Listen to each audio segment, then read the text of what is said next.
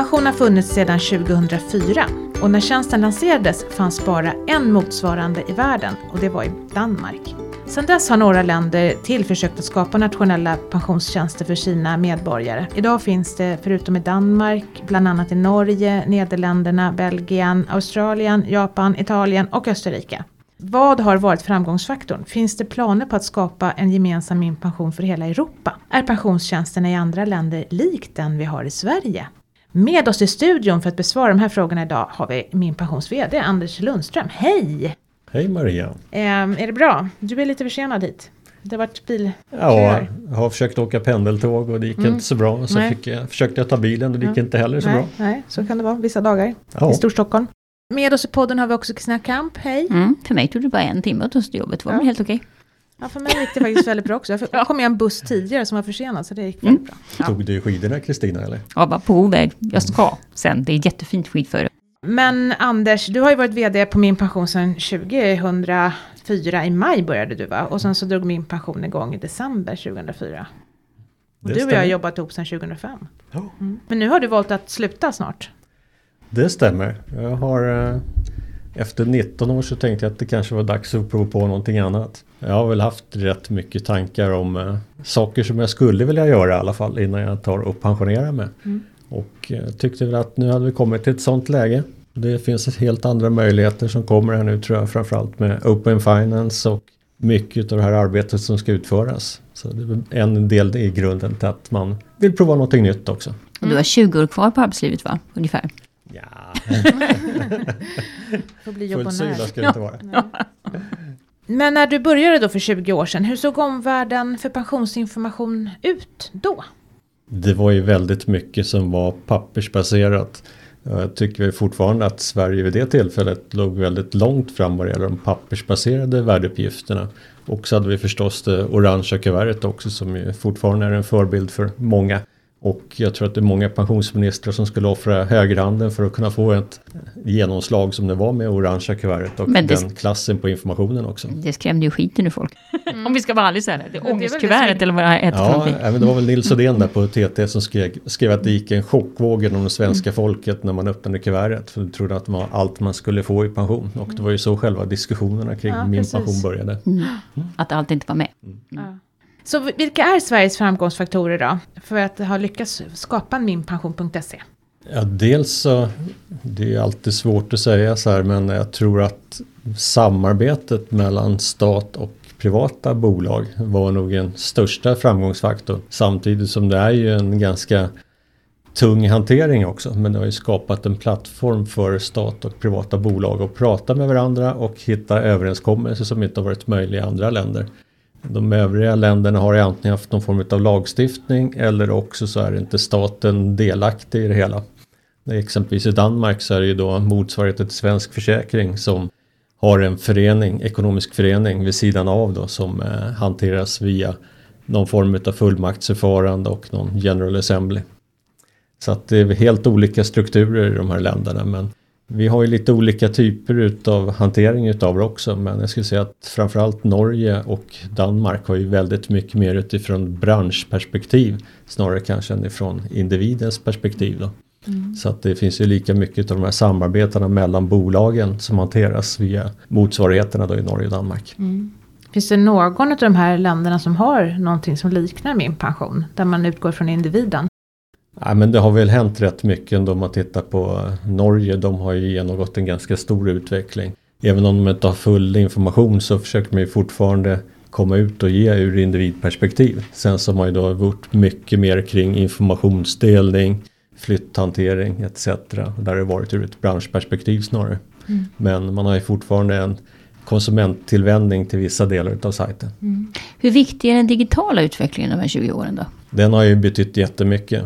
Som när vi började 2004 då BankID var ju nästan en vetenskap att kunna använda på den tiden. Man fick ju ha en liten USB-sticka med BankID på och eh, vi fick ju använda oss av PPMs PIN-kod för att kunna få in användare i större utsträckning.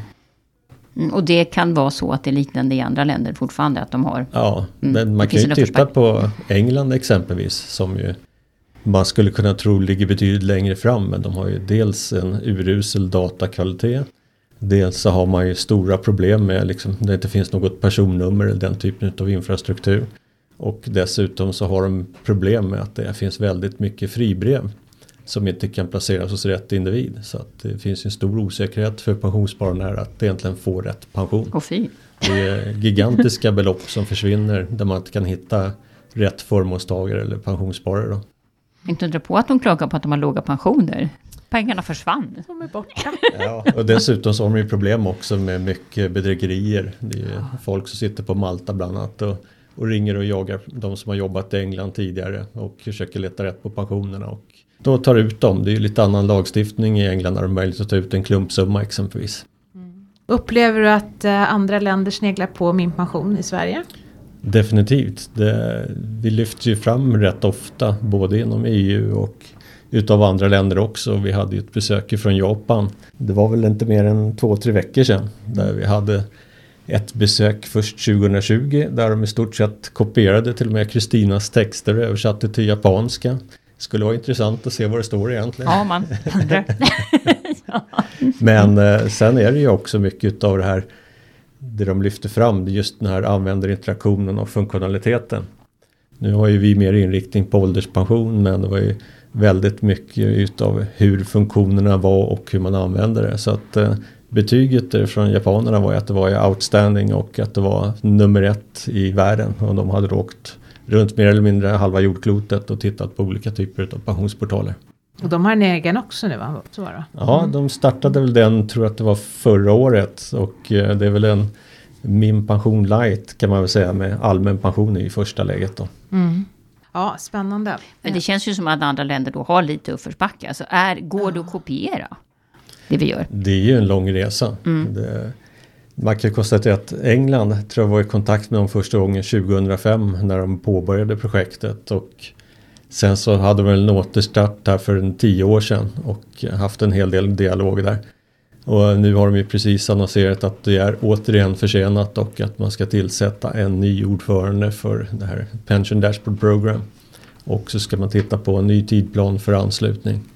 Sen så ska man väl med ärlighetens namn säga att det är ju betydligt fler bolag när man pratar om England. Det är ju väldigt många pensionsbolag. Där har vi betydligt enklare men problemet är ju mycket att börja den här resan någonstans och börja med en produkt som är tillräckligt bra för att kunna få in användare. Och sen så får man ju fortsätta arbeta och vidareutveckla. Min pension idag är ju inte i närheten av vad vi hade 2004. Nej, så är det. Vad har varit framgången då liksom initialt? Det är det att vi har personnummer och Infrastrukturen, är ju Infrastrukturen, ja. oerhört viktig och framförallt ordning och reda på kvaliteten också. Mm. Men man kan säga de första fem åren så jobbar vi mest med att få in data. Och ju mer data vi fick in, ju mer detaljerad data vi fick, desto mer tydligt kunde man se sprickorna i all information och hur dålig kvaliteten var. Mm. Så det är mycket sånt där som man får arbeta på. Och, eh, sen så ska man också säga att internetmognaden 2004 var väl Mm. inte speciellt stor ute i branschen heller. Utan vi fick ju liksom bryta ganska mycket ny mark och hantera det här med hur man skulle ha säker kommunikation via internet och ha externa kopplingar också. Mm. Så att det här är en lång resa. Men det finns ändå planer på att man, man det finns ändå liksom en tanke kring att man ska kunna få en, en bättre europeisk pensionsinformation. Ja. Och där är du väl rätt insyltad? Ja, jag har varit lite insyltad den och suttit med i olika projekt i 7-8 år någonting tror jag det är. Och det finns ju bland annat någonting som kallas för European Tracking Service som förut var Track and Trace Pensions in Europe. Som ju då drivs med hjälp av bidrag ifrån EU-kommissionen. Det heter väl Employment där för mig den här enheten inom EU. Och då har man sagt att man ska ha en fri rörlighet på arbetskraft inom EU. Och att man måste på något sätt ta bort alla hinder och problem. Och pension har ju varit ett utav dem. Mm. Så att det var väl så sent som i förra veckan så tror jag att eh, Just Korte som då är ansvarig för det här, EU-kommissionär, hade väl en dragning där bland annat Anna Pettersson Westerberg från svenska statssekreteraren var med. Kommer ni någon vart? Det är ju en lång resa men det vi har gjort nu i det här projektet är att vi har ju startat en sajt som heter Find Your Pension. Där man har, egentligen ska jag säga den här uh, underlätta att göra-listan för en individ. Där man kan liksom ta olika länder och sen så kan man gå igenom och spesa liksom vad är det för någonting som jag behöver ta reda på. Vart kan jag få reda på den informationen?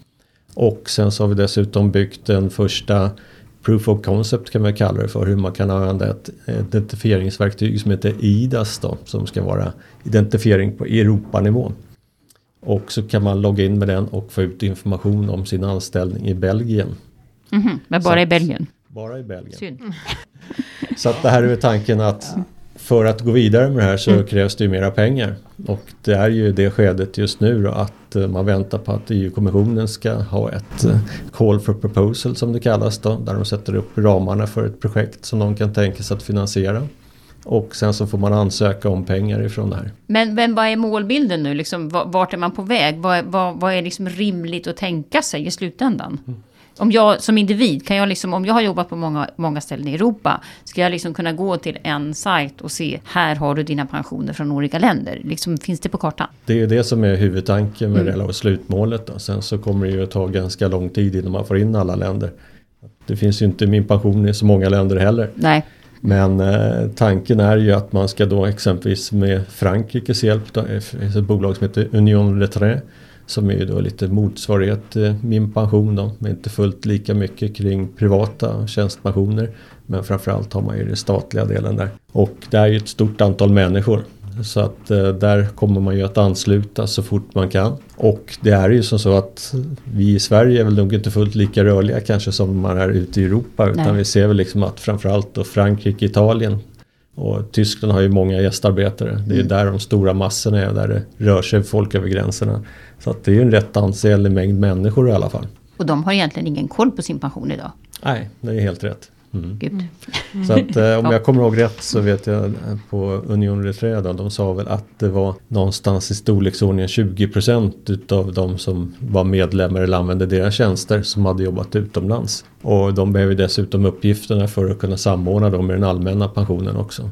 Så att de ser det här kanske inte i första hand som en konsumenttjänst bara utan en kostnadsbesparing för mm. att kunna hantera pensionerna. Mm. Men nu tänker jag lite konspiratoriskt. Eh, vi har ju ändå ett, ett, pensionssystem som vi tycker är rätt okej okay i Sverige med dess fel och brister. Men ändå jämfört med många andra eh, europeiska länder så tror jag ändå att vi känner oss lite nöjda med det vi har. Kan det också bli så då att det finns en vilja att man samordnar pensionerna så att det liksom ska bli enklare att eh, ja, flytta mellan olika länder. För att pensioner är ju, som det är nu, väldigt nationella. Mm. Det ser väldigt olika ut. Eh, vad, vad, tror du om det? Eller är det, det är inte en fråga? Nej, inte som är uppe på agendan i alla fall. Mm. Men jag kan ju mycket väl tänka mig att det finns just för de här pelare noll eller garantisystemen. Att man därigenom kan komma undan lite bättre. Och mm. framförallt är det ju då som i England. Då, nu är de i och för sig utanför EU numera. Men där har man ju en ganska tydlig underförsäkring mm. utav människor. Att man har alldeles för lite pensionssparande. Och de har ju mycket reformer för att komma åt det. Och samma sak i Irland. Så att eh, det finns nog säkert en del i det hela. En gemensam garantipension. Mm. Mm. Ja. Blir den högre eller lägre tror vi? Pensionsmyndigheten att göra känner jag. Ja. ja. Respektavstånd. Ja. ja, verkligen. Men jag tänker så här, det finns ju ändå länder som är lite lika oss då, Danmark och eh, Norge. Skulle man kunna göra en skandinavisk mm. version av min pension i alla fall? För vi rör oss ju ganska mycket mm. över gränserna i Norden här. Ja, det vi har pratat om, i första hand så är det ju det här europeiska som är målbilden i alla fall. Även när vi pratar med Danmark och Norge. Men vi har ju diskuterat att man skulle kunna skicka över folk i alla fall i mellanländerna och få en automatisk inloggning exempelvis då i Danmark. Mm. Och kunna få med sig då även då samordningsnummer och annat. Mm. Så att eh, de tankarna har funnits mm. men det var väl också i avvaktan på att man pratade ett tag om någon form av ett nordiskt samordningsnummer också.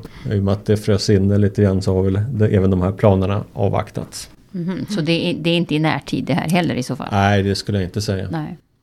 Nej, och vi brukar ju ibland prata om det här med att ska man jobba i andra länder, vilket ju fler och fler gör, så, är, så bör man ju verkligen tänka på pension och faktiskt egentligen redan innan man åker någonstans. För att det är väldigt komplext och man riskerar ju faktiskt att göra många misstag på vägen som kan urholka ens pension ordentligt. Mm. Så att, eh, det är väl Framförallt tipset. för medföljande också. Ja. Dessutom det. Men det är också så, det finns ju till exempel tjänstepensioner mm. som har väldiga karenser. Du måste jobba där minst fem år eller något sånt där. Och hoppar du då mellan olika länder så, så blir det ett problem. Så att medskicket till den som vill jobba utomlands är ju verkligen att ta reda på innan.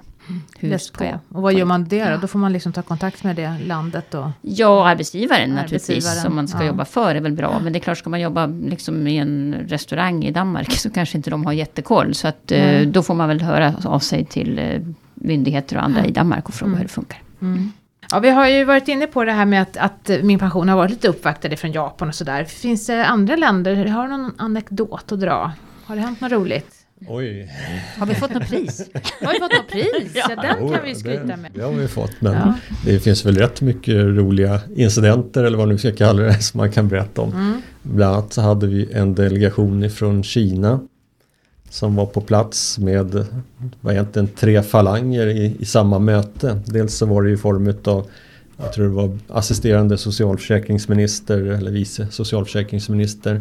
Och eh, sen så var det ambassadpersonalen och sen så var det dessutom ett gäng ifrån finansvärlden där då i form utav eh, banker då. Och eh, först och främst man har en presentation och de hade tre tolkar som då pratade kors och tvärs över hela rummet samtidigt som jag försökte prata. Jag tror första bilden tog väl ungefär 10 minuter och jag tror att det hade väl totalt 30 minuter eller någonting sånt där. Men eh, till slut så var det väl bara att köra på och så fick det översättningen bli därefter. Så efteråt så hade man ju ett artigt trevligt samtal då först med den här biträdande socialförsäkringsministern och överlämnade ju visitkorten som man ju då hade i bröstfickan för att det skulle vara nära hjärtat allt sånt där som man fått lära sig.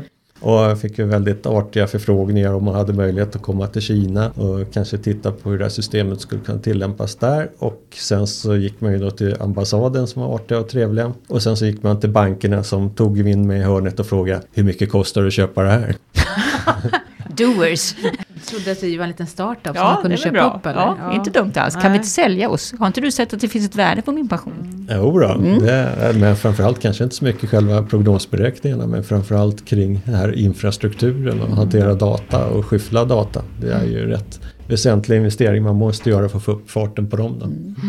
Och någonting som vi är världsunika med i Sverige det är väl den här uttagsplaneraren på min pension. Ja. Det finns väl ingen motsvarighet. Har en, ännu inte sett någonting i närheten utav egentligen den här planeringen då. Det finns ju lite privata verktyg och sånt men de är ju helt ska jag säga, beroende utav rätt mycket manuell bearbetning och förberedelser också. Men det finns ju ingen sån som liksom är direkt till slutanvändare och automatiserad. Så du kan åka runt och bli ambassadör efter det här då? Bara Ja. tala vackert om... Det är det du ska bli. Jag kanske ska bli försäljare utav min pension Ja. till utlandet. Ja. Snacka med kinesiska bankirer. Rätt vad det är så har vi en Kina-stämpel på oss. Då kan man få en miljard kunder va? Det är väl bra? ja, det går nog kanske lite snabbare där. Ja. Ja, kanske. Har du något mer spännande på lager?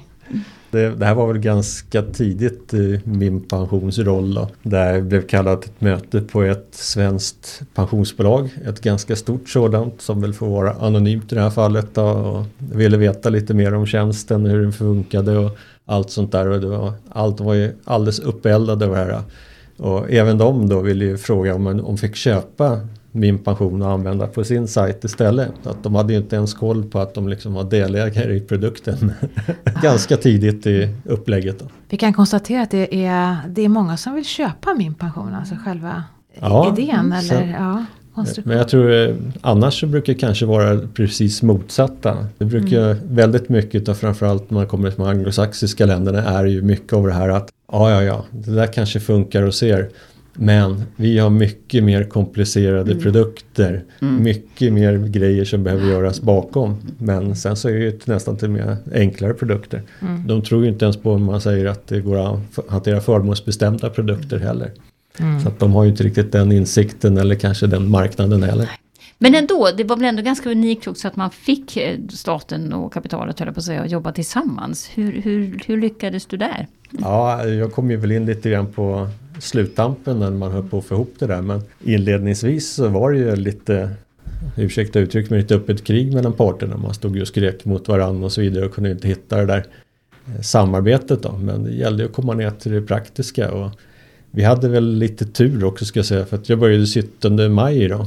Så att, eh, och fick förklara alla förseningar som var i projektet då när jag tillträdde. Sen hade vi ju en sommar som väl kanske var räddningen där man kunde komma loss lite från de här eh, som tycker men inte vill jobba. Och liksom hittade de som liksom var beredda och ville göra någonting. Så att vi gjorde ett stort antal kompromisser med flertalet bolag om hur vi skulle hantera det här. Och eh, jag fick ju skriva på en liten lista som jag skulle åtgärda allt eftersom. Sen finns det fortfarande rester kvar i listan och vi har löst dem på annat sätt. Men det var ju tvunget att göra någonting för att komma igång. Sen var det en tuff start men på något sätt så var det bara visa att det fanns och att det var uppe och rullade. Men, men det, här, det här kriget då, det, det, man la ner vapnen ganska snabbt då eller? Nej, det var ju ganska många år det här mm. pågick där man liksom motarbetade varandra i vissa delar också. Men det gäller ju på något sätt att komma och börja prata och försöka få en förståelse för varandras positioner. Mm. Det är väl det som är det viktiga i det här att man, man måste börja någonstans och hitta minsta möjliga leverans utav produkt. Och, och sen så får man liksom ta sig vidare steg för steg och jobba bort de här motsättningarna helt enkelt. Mm. Hur känns det idag? Är det motsättningar som Nej, nej, nej. Mm, det nej. tycker jag inte. Eh, det är väl kanske när man pratar nyutveckling. Mm. Där finns det ju alltid olika ståndpunkter och liksom vad man har för själv för agenda. Sen gör det väl alltid lite ont i plånboken också. Det gör det. Mm. Men jag tror ju att även privata aktörer de är ju beredda att betala om man får mm. någonting för det som mm. man liksom tycker har ett stort värde. Så det gäller ju att vara lite noggrann där och ha en rätt så långtgången diskussion om vad det innebär för olika parter och förstå vad det är för agenda man har. För fördelen för konsumenterna är ju rätt uppenbar. Det är ju att ha allting på samma ställe. Och det måste väl den parterna också inse kan jag tycka ibland. Mm. Oh ja. Mm. ja men jag tycker väl också att det man kanske inte pratar så mycket om. Men det är väl att även då privata aktörer har ju faktiskt mindre regelbörda. Eller på mm. men man har kommit undan med vissa delar för att min pension finns. Så mm. att man kan hänvisa till min pension istället för den här typen av information. Och det finns ju en förståelse för oss regleraren också. Mm. Ja, då väntar vi 50 år så får vi se vad som har hänt då. Mm. Pensioneu.se. Mm. Ja, nej, men, år, eh, ja. Jag skulle tro att vi kommer nog att se ett sånt där papper ifrån EU-kommissionen någonstans i maj-juni. Mm-hmm. Och mm-hmm. sen så brukar det ju ta ett antal veckor som man har. Jag tror det brukar vara ungefär 9-10 veckor som man har på sig att svara. Och sen så ska det in i kvarnarna i kommissionen igen. Och jag kan väl tänka mig att pengar på plats kanske i december. Mm, men om du nu tänker prognos för mig som användare, när kan jag känna att det liksom ja. finns en verkstad kring det här? Jag börjar ja. min pension leverera dit. Mm. Ja, vi har väl sagt någonstans där 2025 någonstans mm. då. Men det mm. hänger ihop med det här med identifikation. För att vi får se nu, för nu har Boverket kommit in och ska väl vara delaktiga här i IDAS 2.0. Och det är väl viktigt att vi hittar någon identifiering som fungerar för att vi kan inte släppa informationen hur som helst. Mm. Utan det måste finnas ett betryggande system och matcha och förstå att det här är Anders som loggar in. För vi har ju ingen koll egentligen mm. på de utländska identiteterna och vi har ju inte den här jämförelsen som man har exempelvis i Belgien där man tittar på vad man hade för namn när man föddes mm. och vilken mm. ort och mm. vilket datum. Det räcker ganska långt där för att komma åt uppgifterna. Mm. Och det är ju inte tillräckligt för vår del. Nej, saker och ting kan verkligen bli komplicerade. Ja, nej, men, eh, men det är ju till och med som så att mm. när man pratar om pensioner mm i de här grupperna. Vi kan ju inte ens enas om vad som är allmän pension, tjänstepension och privatpension. Det är ju på den nivån. Ja, det låter som ett 50-årsprojekt men du tror att det kan vara färdigt lite tidigare? Nej, men jag tror att man får väl titta, utgår ifrån respektive land och respektive land presenterar. Mm. Och den här europeiska portalen det blir ju snarare en samlingspunkt. Ja. Sen så för att du ska borra vidare och djupare i det här och ta ut pensioner då får man ju antingen då kontakta en myndighet eller mm. till respektive lands portal helt enkelt. Mm. Men det är gott nog. Det är faktiskt en ja, ganska bra bit på vägen. Ja, men om det kan vara ingången till mm. pensionsinformation i andra länder så är det ja, jättebra. Ja, det tror jag. Och även att liksom min pension kan ju vara ingång till den här europeiska portalen också. Ja. För de som nu har jobbat utomlands. Ja. Mm. Spännande. Vilken tur att uh, du kunde köra hit idag då, till slut. Eller hur? Ja, det var ett spännande samtal. Mm. Tack. Spännande resa också. Ja, tack så mycket. Du får vara kvar. Vi har dagens fråga här som du också var med på. Då har vi veckans fråga och det kommer ifrån en användare som tycker att det är fransmännen, de, de är ju ute och, och bråkar nu för att man ska ha höjd pension och man tycker liksom att, att Sverige är lite mellanmjölk här, vi bara ger oss liksom. Är det dags för en folkomröstning? Alltså om höjda pensionsåldrar. Mm. Alltså pensionssystemen är ju så olika och det där är väl ett dilemma. De brukar ju säga det, de här pensionsförståsigpåarna, att det var tur att vi ändrade vårt pensionssystem i tid, innan det liksom började krackelera allt för mycket. Det vill säga att man gick från den här förmånsbestämda delen, som ju gamla ATP-systemet egentligen var, att man var liksom garanterad en viss pension, givet att du hade jobbat så många år. eh, oavsett hur gamla vi blev. För det är ju precis som i Sverige där vi blir väldigt mycket äldre så blir man äldre i hela Europa. Eh, och då ska så att säga de här förmånerna som man har bestämt för länge sedan, de ska räcka fler år. Och då ska det ju alltid finansieras någonstans. Vi gjorde ju om det här till ett annat system, det vill säga att alla år räknas, man betalar in mer och mer och ju längre man jobbar desto mer pension får man. Det här som kallas för premiebestämt. Och då är det ju lättare att glida över, för då bestämmer man ju lite mer som individ hur länge man vill jobba och vad, vad kan jag få för det här.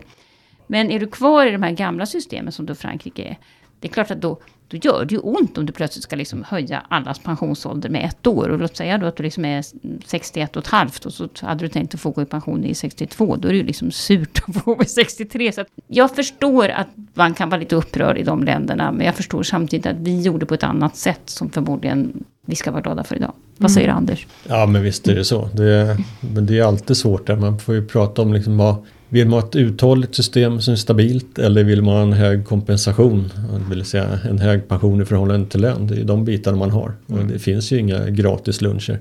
Vi kan väl bara konstatera att det är ett positivt problem. Vi lever ju allt ja. längre. Möjligen kan man ju säga att jag är lite förvånad över att unga fransmän så liksom driver på och tycker att det här är jättebra och vill stoppa pensionshöjningar. För att det är ju ändå de som kommer att få betala. Mm. I genomsnitt är man ju i Frankrike, om jag förstått siffrorna rätt, så är man pensionär i 27 år. Och det är mest i hela Europa. Det är ju mm. väldigt många år faktiskt. Ja, till och med Grekland har ju hostat upp sig där och börjat. Ja.